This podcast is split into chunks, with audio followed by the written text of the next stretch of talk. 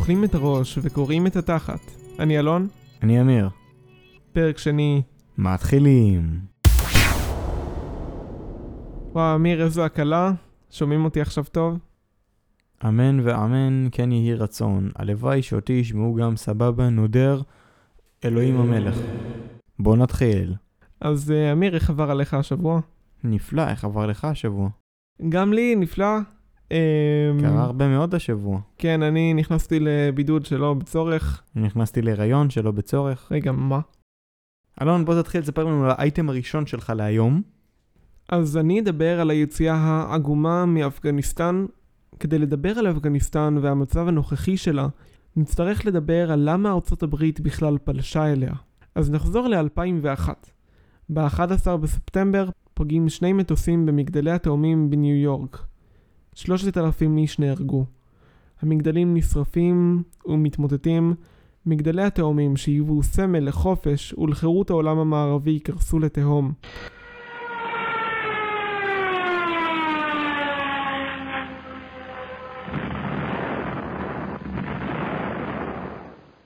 "9/11 היה המתקפה הגדולה ביותר על אדמת ארצות הברית מאז מתקפת היפנים על פרל הרבור במלחמת העולם השנייה. הברית מרגישה מוכרחת להראות לעולם שהיא עדיין עומדת, ולמרות שנהרגו להם המון אנשים, הם עדיין מסוגלים לצאת ולהילחם על החופש שלהם. הברית הייתה צריכה לנקום באל-קאעידה. זה מאוד טבעי להניח את האצבע ולהראות מי אחראי, והעם האמריקאי היה צריך את זה. נרצה לשאול את השאלה, למה אפגניסטן? אל-קאעידה בראשות אוסמה בן לאדן התאמנו והתחבאו באפגניסטן, ולמעשה הורחו על ידי הטליבן, מדינה שמשם קשה מאוד להוציא אותם. מדינה הררית במרכז אסיה, מלאה במערות שאפשר להתחבא בהן. זוהי האמירות האפגנית. בעלת משטר שריעה על מלא. זה כמובן כולל זכויות מלאות לנשים, אינטרנט לכולם ודמוקרטיה, אתם יודעים, אה, מערב. אז אפגניסטן היא גם ארץ שהיא ברובה חקלאית. בעלת משאבי טבע ללא נפט. ללא נפט. שמעת אמיר? המון ליתיום שמשמש לייצור סוללות למכשירים חשמליים ומאוד נחוץ בעולם של היום. הוא מעניין את סין, הודו וכל שאר המדינות והיצרניות הגדולות. וגם חוותה מגפות אופיום, מגפות סמים קשות מאוד בעברה. סיבה נוספת שהבסת אל-קאעידה היא הכרחית היא ערעור היציבות של מצבורי הנפט שארצות הברית רוכשת מהמזרח התיכון. זה אומר סוריה, עיראק, תימן, לוב, סעודיה, אפילו קצת מאפריקה למשל. אה, ניגריה, שם יש בהחלט נוכחות של אל-קאעידה אה, על ידי בוקו חראם, אבל משם מייבאים אחוזים בודדים אז לא נורא. עכשיו, למה שארצות הברית וברית נאט"ו ירצו לצאת מאפגניסטן? זוכרים את הסיבות ממקודם? צורך בנקמה? שמירה על מקורות נפט? אז אחרי 20 שנה כמעט רצופות, מרגע הכניסה ב-7 באוקטובר 2001 עד לפני דקה ושלוש שניות, האמריקאים איבדו את הצורך בנקמה. ומהפכת פצלי השמן שמאפשרת לארצות הברית להיות עצמאית אנרגטית, פותרת אותה משאיבת נפט במדינות זרות, ומבטלת את התלות בסעודיה. אל-קאעידה היא סיכון, אבל לא מספיק משמעותי כדי לשפוך עוד ועוד כסף. האמריקאים וברית נאט"ו שפכו טריליוני דולרים על המאבק בטליבן באפגניסטן. האמריקאים מעולם לא התכוונו ליצור מדינת לאום אפגנית שתהיה שלווה ופסטורלית כמובן, אלא לשרת את האינטרסים שלה, של ארצות הברית ושל המערב, וזאת צריך לזכור. הנסיגה קורית עכשיו תחת נשיא ארצות הברית ג'ו ביידן, ויש נגדו ביקורת ענקית גם מצד הרפובליקנים וגם מצד הדמוקרטים. הוא עצמו הסביר בתיאום מדויק עם שר החוץ אנתוני בלינקן שהם ידעו שאפגניסטן תיפול, אבל לא ציפו שזה יקרה כל כך מהר, תוך חודש, אלא תוך כחצי שנה. ביידן המשיך אמנם בצורה יחסית כושלת, אך המשיך את מדיניות טראמפ בנוגע לנסיגה, שהוא עצמו המשיך את אובמה. אז מדובר במדיניות אמריקנית אוניברסלית ודו-מפלגתית. למרות שהמחדל הענק של תמונות של אפגנים שמעדיפים להיתפס בכנפי מטוס חילוץ של ארצות הברית באוויר וליפול, מאשר ליפול לידי הטליבן. בטח ובטח נשים שיחוסו ברעלות, חיג'אב, בכפייה, ולא יורשו לצאת מהבית לעבודה. אנחנו לא נראה פלישה בזמן הקרוב אל אפגניסטן. עם זאת, האיראנים מציבים כוחות בגבול ונערכים לפליטים, אך ינסו לשמור על יחסים טובים עם הטליבן. רוסיה תמכור נשק למדינות שכנות ללוחמה בטרור, בעיה ופתרון. מדינות שיש לה יחסים איתן מהתקופה הסובייטית, במרכז ובדרום אסיה. פקיסטן והודו ינסו לשמור על יחסים קרובים יחסית עם הטליבן. בגלל המשאבים, ליתיום, הרי הודו ופקיסטן מתפתחות וצריכות את הליתיום למטרות ייצור. וגם כי הטליבן יכול לאיים על הודו, וזה טוב לפקיסטן, שמתחרה בה. לסיכום, החשש הכבד הוא כי אפגניסטן בדרכה למלחמת אזרחים נוספת. ללא מעורבות של ארצות הברית ואירופה תחת נאט"ו, והיא עלולה להפוך שוב לבסיס טרור גלובלי, שישמש מקום מבטחים עבור פעילי טרור שונים. הלגיטימציה שמעניקות איראן, קטאר ורוסיה לטליבן, בין השאר דרך מיסוד קשרים דיפלומטיים ופתיחת שגרירות של ארגון טליבן על אדמת קטאר, רק מחזקת את מעמדו, ופותחת אפשרויות עבורו להיות מדינה אסלאמית לגיטימית, בשם האמירות האפגנית. השבוע התקבלה הודעה בחדשות כי בישראל בוטל הגבלה על אנשים מהקהילה ההומוסקסואלית לתרום דם. עכשיו, לצד כל... למה זה מוכר לי? לצד כל קולות השמחה והששון, אנחנו צריכים להיכנס לפן המדעי יותר ולהבין מאיפה הדבר הזה הגיע ומאיפה הביטול הגיע. אז בואו נתחיל מההתחלה. בשנת 1628, רופא בשם ויליאם הרווי, רגע, כשאתה אומר רופא, אתה מתכוון אה, רופא אליל ש... הוא, אה, הוא היה ביולוג, מדען. אה, אמיתי. legit. שאפשר, עד, עד כמה שאפשר ב-1628, כן? אז הרווי אה, תיאר איך פועל מחזור הדם. כלומר, הוא ממש עשה רישומים, התבונן ב, ב, בשרטוטים של ורידים, ב, של כל מיני אנשים, בדק כל מיני פירק דברים. אנשים. Hmm? פירק אנשים. א', אל תשלול, כן? עשו גם ניסויים במתים, אתה יודע. למען הביולוגיה עשו הרבה מאוד דברים. העניין הוא שהוא התבונן במבנה של המסתמים הנמצאים בוורידים, והוא בעצם שיער שצורתם הייחודית מאפשרת לדם לעבור בכיוון אחד בלבד, ומונעת ממנו לחזור אחורה. מכאן קל היה לו להבין שהלב עצמו הוא משאבה שפועלת באופן מחזורי. היא דוחפת את הדם כדי שיגיע לכל איברי הגוף, לפני שיחזור ללב לסיבוב נוסף.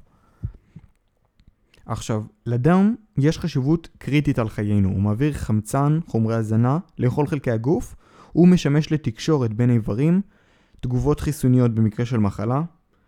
עכשיו, מכאן, אם יש אובדן דם רב בעקבות דימום מסכן, חיינו נמצאים במצב של סכנה. לכן כשאדם סובל מדימום רציני, למשל במהלך ניתוח או עקב פציעה חמורה, מתעורר הצורך לספק לו דם חלופי שמקורו בתרומה. מכאן הגיע העולם של תרומות הדם. שנים רבות לאחר שארווי תיאר את מחזור הדם, ב-1665 הוכח לראשונה שאכן אפשר להעביר דם מפרט אחד לאחר, כשהצליחו להעביר בניסוי תרומות דם מכלב לכלב. חלפו עוד הרבה מאוד שנים עד שהשיטה נכנסה לשימוש בבני אדם. תרומת הדם המתועדת הראשונה של דם אנושי הייתה ב-1818, כשגבר תרם דם לאשתו שאיבדה דם רב בלידה. עכשיו, מה שמעניין שעוד לפני הפעם הזאת, היו ניסיונות של תרומת דם לבני אדם באמצעות דם של כבשים. עכשיו, הדבר, אנחנו מסתכלים על זה היום בצורה מאוד, מה זה השטויות האלה? כי באמת הדבר הזה גרם לתגובות מאוד חריפות בצד של בני אדם, ולמקרים האמת מוות. שכבר התחלתי לתהות, מה, כאילו, אני- יודע שחזירים הם אה, דומים אלינו, אבל אה, התחלתי לחשוב שגם כבשים, אבל בעצם אתה אומר שזה הרעיון נוראי. כלומר, זה לא באמת יכול לעבוד שדם של כבשה יכול להגיע לבן אדם, זה יכול ליצור תגובות מאוד מאוד אלרגיות ומאוד מאוד קשות, ולמעשה, יתרה מזאת, לא כל דם של בן אדם יכול להגיע לבן אדם, או, לכל בן אדם. ופה אנחנו נכנסים לעניין המעניין.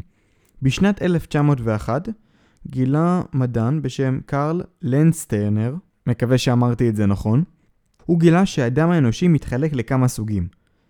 אגב, התגלית הזאת זכתה אותו בפרס נובל, אה, כמה שנים מאוחר יותר. ראשית הוא גילה סוגי דם של A, B ו-O, ושנה לאחר מכן זיהו עמיתיו את סוג הדם AB. עכשיו, מה זה ההבחנה מה הזאת? עם ההפ- הפלוס, מינוס? תכף נגיע לזה. ההבחנה, זו ההבחנה הראשונית בין סוגי הדם. ההבחנה הזאת מגיעה ומתבססת על מבנים בסוכרים מסוימים שנמצאים בדם. בהקשר הזה הם נקראים אנטיגנים, המוצגים על פני תאי הדם האדומים. כלומר, תג דם, תג אדום מסוג A, מציג את הסוכר A. תג דם מסוג B, מציג את הסוכר B. ותג O אה, לא מציגים אף אחד מה, מהצורות, ו-AB מציגים גם A וגם B. עד לכאן מובן? עד לכאן מובן. עכשיו, אם זה לא מסובך מספיק, בהמשך התגלתה רמה נוספת של מורכבות מערכת הדם. התברר שאצל חלק מהאנשים מוצג על גבי תאי הדם האדומים חלבון בשם RH, ואצל אחרים הוא איננו קוים. כשלוקחים את האפשרות כאן זה שאדם... הפלוס והמינוס. כש... בדיוק, כשלוקחים אפשרות שאדם חיובי או שלילי לתכונה של הצגת RH, כלומר דם מסוג פלוס או מינוס.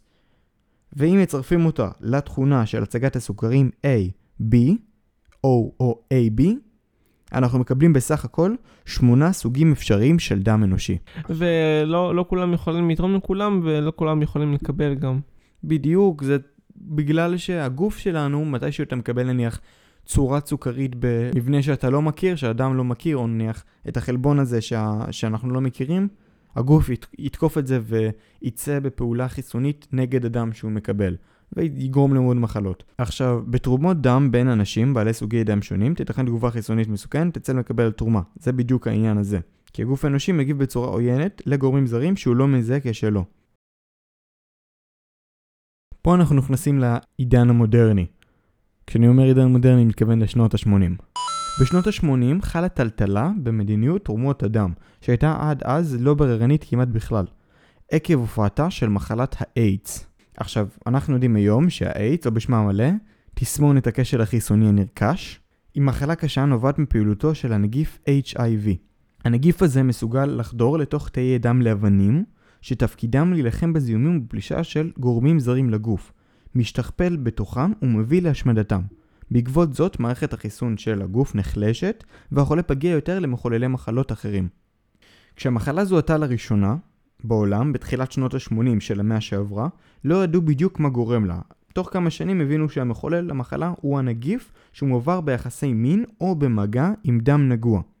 חלק מהחולים בשלב הזה נדבקו בנגיף דרך תרומת דם שקיבלו. בעקבות זאת, הוחלט במקומות רבים לא לקבל תרומות דם ממי שעלולים לשאת את הנגיף, שזה כולל אנשים שלא אובחנו כנשאי HIV, אך נמצאים בסיכון מוגבר להיחשף לו. עכשיו, בעבר נהגו בישראל, שזה אנחנו בטח יודעים, שלקחת תרומות דם מיוצאי אתיופיה, שנחשבו בסיכון גבוה לנשאי HIV, ולהשמיד אותן, את, את תרומות הדם שלהן, ללא ידיעת התורמים, כביכול מתוך הרצון לא לבייש אותם. שזה היום נחשב לדבר מאוד מאוד נוראי. זה- זה- זרקו שקיות דם, זה- זרקו זה- את התרומות דם נורא. של האתיופים, כן. בגלל שיש להם סיכוי מאוד מאוד גבוה, וה-HIV מאוד מאוד נפוץ באתיופיה. בכל מקרה, עקב השכיחות הגבוהה של המחלה בקרב גברים הומוסקסואלים, התקבלה בארצות הברית החלטה דרמטית לא לקבל תרומות דם מתורמים זכרים שקיימו אי פעם בחייהם יחסי מין עם גבר אחר. ובשנת 2015 הוגבל האיסור לשנה מהמועד האחרון שבו התקיימו יחסי המין. עכשיו, בשנה שעברה, על רקע המחסור שנוצר בתרומות דם במהלך מגפת הקורונה, פרסם ה-FDA דוח שבו המליץ לקצר את ההגבלות תרומת דם לשלושה חודשים מאז קיום יחסי מין בין גברים. זאת אומרת, עדיין יש איזה איסור. הזמן ירד בגלל החוסר בתרומות הדם שהיה בקורונה. עכשיו, המלצה נובעת מיכולת הזיהוי הרגישה של הבדיקה המבוצעת על דגימת הדם, ומכך שבאנגליה ובקנדה לא נמצאה עלייה בסכנה הנובעת מקבלת מנות דם בעקבות קיצור התרופה. בעקבות זאת, ההגבלה בארצות הברית הצטמצמה לשלושה חודשים מאז קיום יחסי המין. בישראל, הונהגה בתחילה איסור גורף על קבלת מנות דם מגברים שקיימו בעבר יחסי מין עם גברים. הסעיף בשאלון של מגן דוד אדום, שבו התבקש התורם לכתוב אם קיים יחסי מין הומוסקסואליים בעברו, עורר ביקורת חריפה. ובתום מאבק ציבורי שונה הנוסח לקיום יחסי מין בין גברים. שזה בעצם אותו דבר, אבל... כן, שזה בעצם העביר את הדגש מהזהות המינית של התורם למעשה המיני בלבד, וצמצם את תקופת ההגבלה. בהמשך קוצרה גם ההגבלה הזאת לנהוג בארצות הברית, כך שגבר יוכל לתרום דם אם לא קיים יחסי מין עם גבר אחר ב-12 החודשים האחרונים. עכשיו, לאחרונה הנושא הזה עלה מחדש על סדר היום בישראל, כמו שכולנו היינו עדים בשבוע האחרון, לאחר ששר הבריאות ניצן הורוביץ הודיע על ביטול ההגבלות הייחודיות על קבלת תורמות דם מגברים המקיימים יחסי מין עם גברים, ועל התייחסות שווה להערכת מנות דם ללא תלות בנטייתו המינית של התורם. הסעיף המתוקן, שייכנס לתוקף בתחילת אוקטובר, אומר כי לאחר קיום יחסי מין בסיכון גבוה עם שותף חדש או שותפים מרובים, יש להמתין שלוש חודשים עד תרומת הדם הבאה. שזה יהיה החוק החדש שייכנס באוקטובר. עכשיו, הצעד הזה ממשיך את פעילותה של שרת הבריאות לשעבר, יעל גרמן, שהותירה לקבל תרומות דם של בני העדה האתיופית שלא ביקרו באתיופיה במשך 12 החודשים שקדמו למתן התרומה. עכשיו, מעבר לסינון התורמים, נהוג בישראל ומדינות רבות נוספות להעביר כל מנת דם שנתרמה, שורה של בדיקות כדי לוודא מהו סוג הדם ולשלול בסבירות גבוהה את קיומם של מחוללי מחלות, פתוגנים, כמו HIV, צהבת נגיפית, הפוגעת בכבד, ועוד. לאחר מכן מפרידים את הדם לשלושה מרכיבים עיקריים. תאי הדם האדומים, שמכילים הומוגלובין, שקשור אליו חמצן, ומאפשר להוביל אותו מהריאות לכל איבר בגוף. תעשיות הדם, שמאפשרות לדם להיקרש ולעצור דימומים כשאנו נפצעים. ופלזמת הדם, שהיא נוזל שמכיל אנזימים ונוגדנים וקיימים מקרים שבהם ניתן להשתמש בה לטיפול מחלות כרוניות אפילו.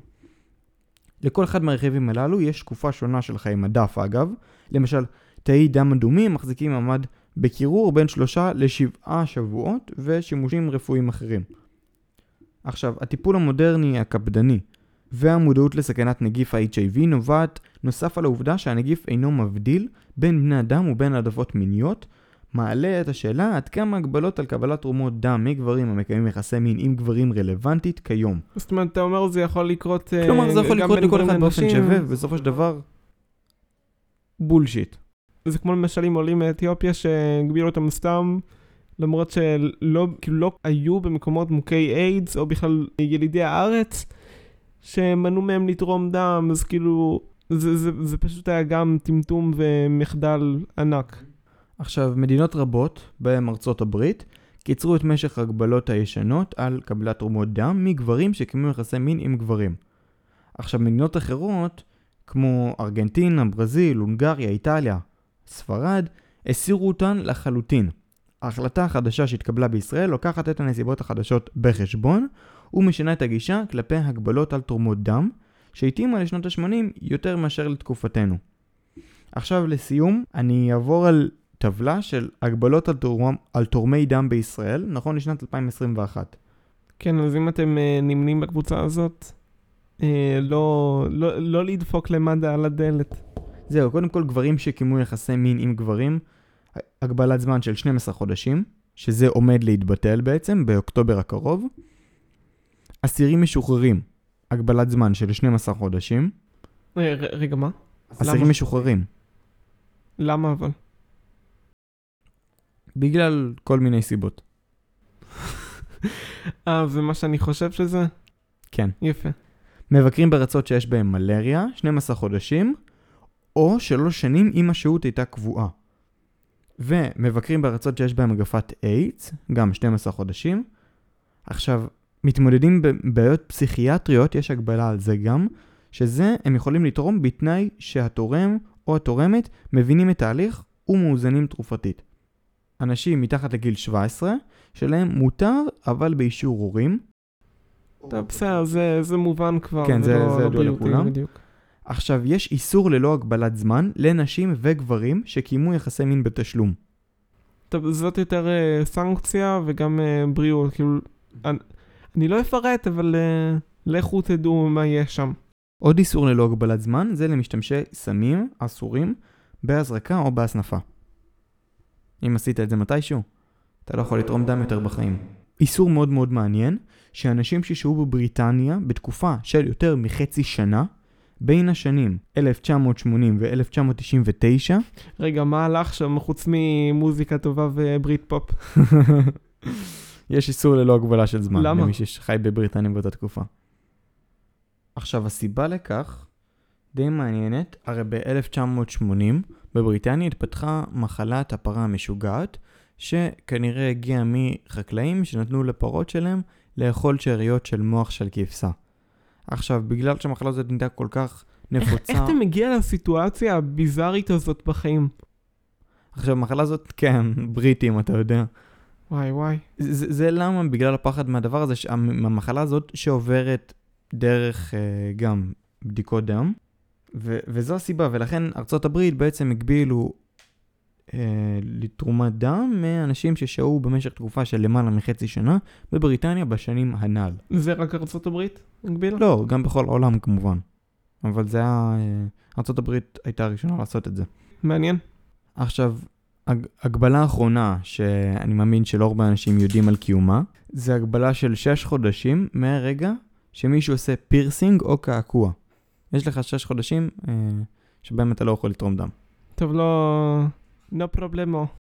אוקיי, מבחינת תרומות הדם, בגלל הצורות בסוכרים, ואם אתה, אם בן אדם שאין לו סוכר בצורה A מקבל A, הגוף יתקוף את זה. זה הסיבה למה בן אדם עם דם מסוג O, שאין לו שום צורה שם, יכול לתרום את זה לכולם. כי לאף אחד, אה, הוא לא יקבל משהו חדש שאין לו. לכן O הוא יכול לתרום גם ל-A, גם ל-B וגם ל-AB. A יכול, יכול לתרום ל-AB, כי יש אותו ב-AB, ו-B גם יכול לתרום ל-AB, אבל AB לא יכול לתרום לאף אחד. עכשיו, מלבד זאת, אלה עם פלוס יכולים לתרום רק לפלוס, כי בגלל החלבון RH. ואלה עם המינוס, שאין להם RH, יכולים לתרום לכולם. זה הכל, תודה רבה. תודה רבה. טוב, תודה רבה אמיר. אנחנו מגיעים עכשיו לפינת ההמלצות. יש לך דקה, גו! אוקיי, אז uh, אני רוצה להמליץ על פרי גיא, אנחנו הלכנו לראות אותו בקולנוע בראשון, ווואו, כאילו לי אישית עף הראש. Uh, כל, תקשיבו, דמיינו בראש כל מה שפופ קולצ'ר, כל מה שקולנוע, ו... גיקי. ובחיים שלנו, כן, הכל שם, הכל. Um, אני לא אעשה יותר מדי ספוילרים, אבל uh, זה שם, ואתם פשוט תהנו. זה בקצרה, זה על דמות ניצבת במשחק NPC. מאוד מזכיר לי את כן, הוא, הוא נמצא באיזה עולם חופשי כזה, אה, סוג של שילוב בין פורטנייט ל-GTA, ל-whatever. ויש את uh, גיא בכיכוב ריין רנולדס, ועוד כל מיני uh, קמיוז שאתם uh, תאהבו. כן, הוא פשוט רוצה להיות הבחור הטוב, אה, להציל את העולם, והוא גורם לאיזה התעוררות במשחק. זה קצת, אה, קצת שובר את החוקים. ממליץ מאוד. קצת מזכיר לי The Truman Show, בהרבה מובנים. כן, מאוד מזכיר לי The Truman Show. אוקיי, הדקה שלי מתחילה. Go. הלאה. בואו נחכה עכשיו חצי דקה וננצל רק את החצי דקה האחרונה. אני צוחק כמובן. אז השבוע יצא ב-23 לאוגוסט הטריילר, הטיזר טריילר לספיידרמן, No Way Home.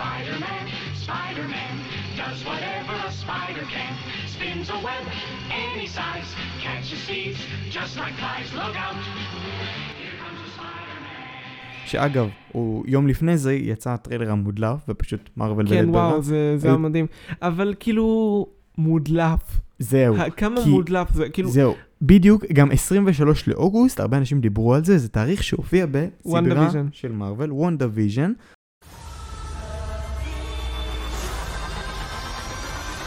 בתחילת השנה הזאת, בדצמבר-ינואר, מתי שהסדרה הייתה משודרת, שזה היה התאריך עם לב מסומן ביומן שלהם, שכל הפרק עסק במה יש ביום הזה. כן. עכשיו, הטריילר תוך 24 שעות שבר שיא של הטריילר הנצפה ביותר בכל הזמנים ב-24 שעות הראשונות שבו הוא יצא. הטריילר מגלה לנו לראשונה, קודם כל אנחנו רואים שם את דוקטור סטרנג' ווונג, שספיידרמן מגיע אליו, ואנחנו פחות או יותר מקבלים מושג קלוש על העלילה שהולכת להיות בסרט הזה. Multiverse. Multiverse, כן, היו שם דיבורים כאלה. כל הפוסטרים המומצאים של המעריצים. בס... עכשיו, ידענו על זה שאלפרד מולינה זה שמשחק את דוקטור אוקטופוס בסרטים של ספיידרמן 2, כן, מ-2004. ידענו שהוא הולך להיות בסרט, אבל בטריילר פה רואים אותו, ועכשיו בראיון אחד הוא אמר שהולכים להשתמש בטכנולוגיה שעושים את הפנים שלו יותר צעירות, ובאמת כן. אנחנו רואים את זה בטריילר, מה שאומר שיכול להיות שגם שאר הדברים שהוא אמר שם נכונים, וזה נחמד ביותר. כן, עכשיו גם רואים את ה... אמ, את הפצצה בצורת דלת של הגרין כן. גובלין, ואת הצחוק של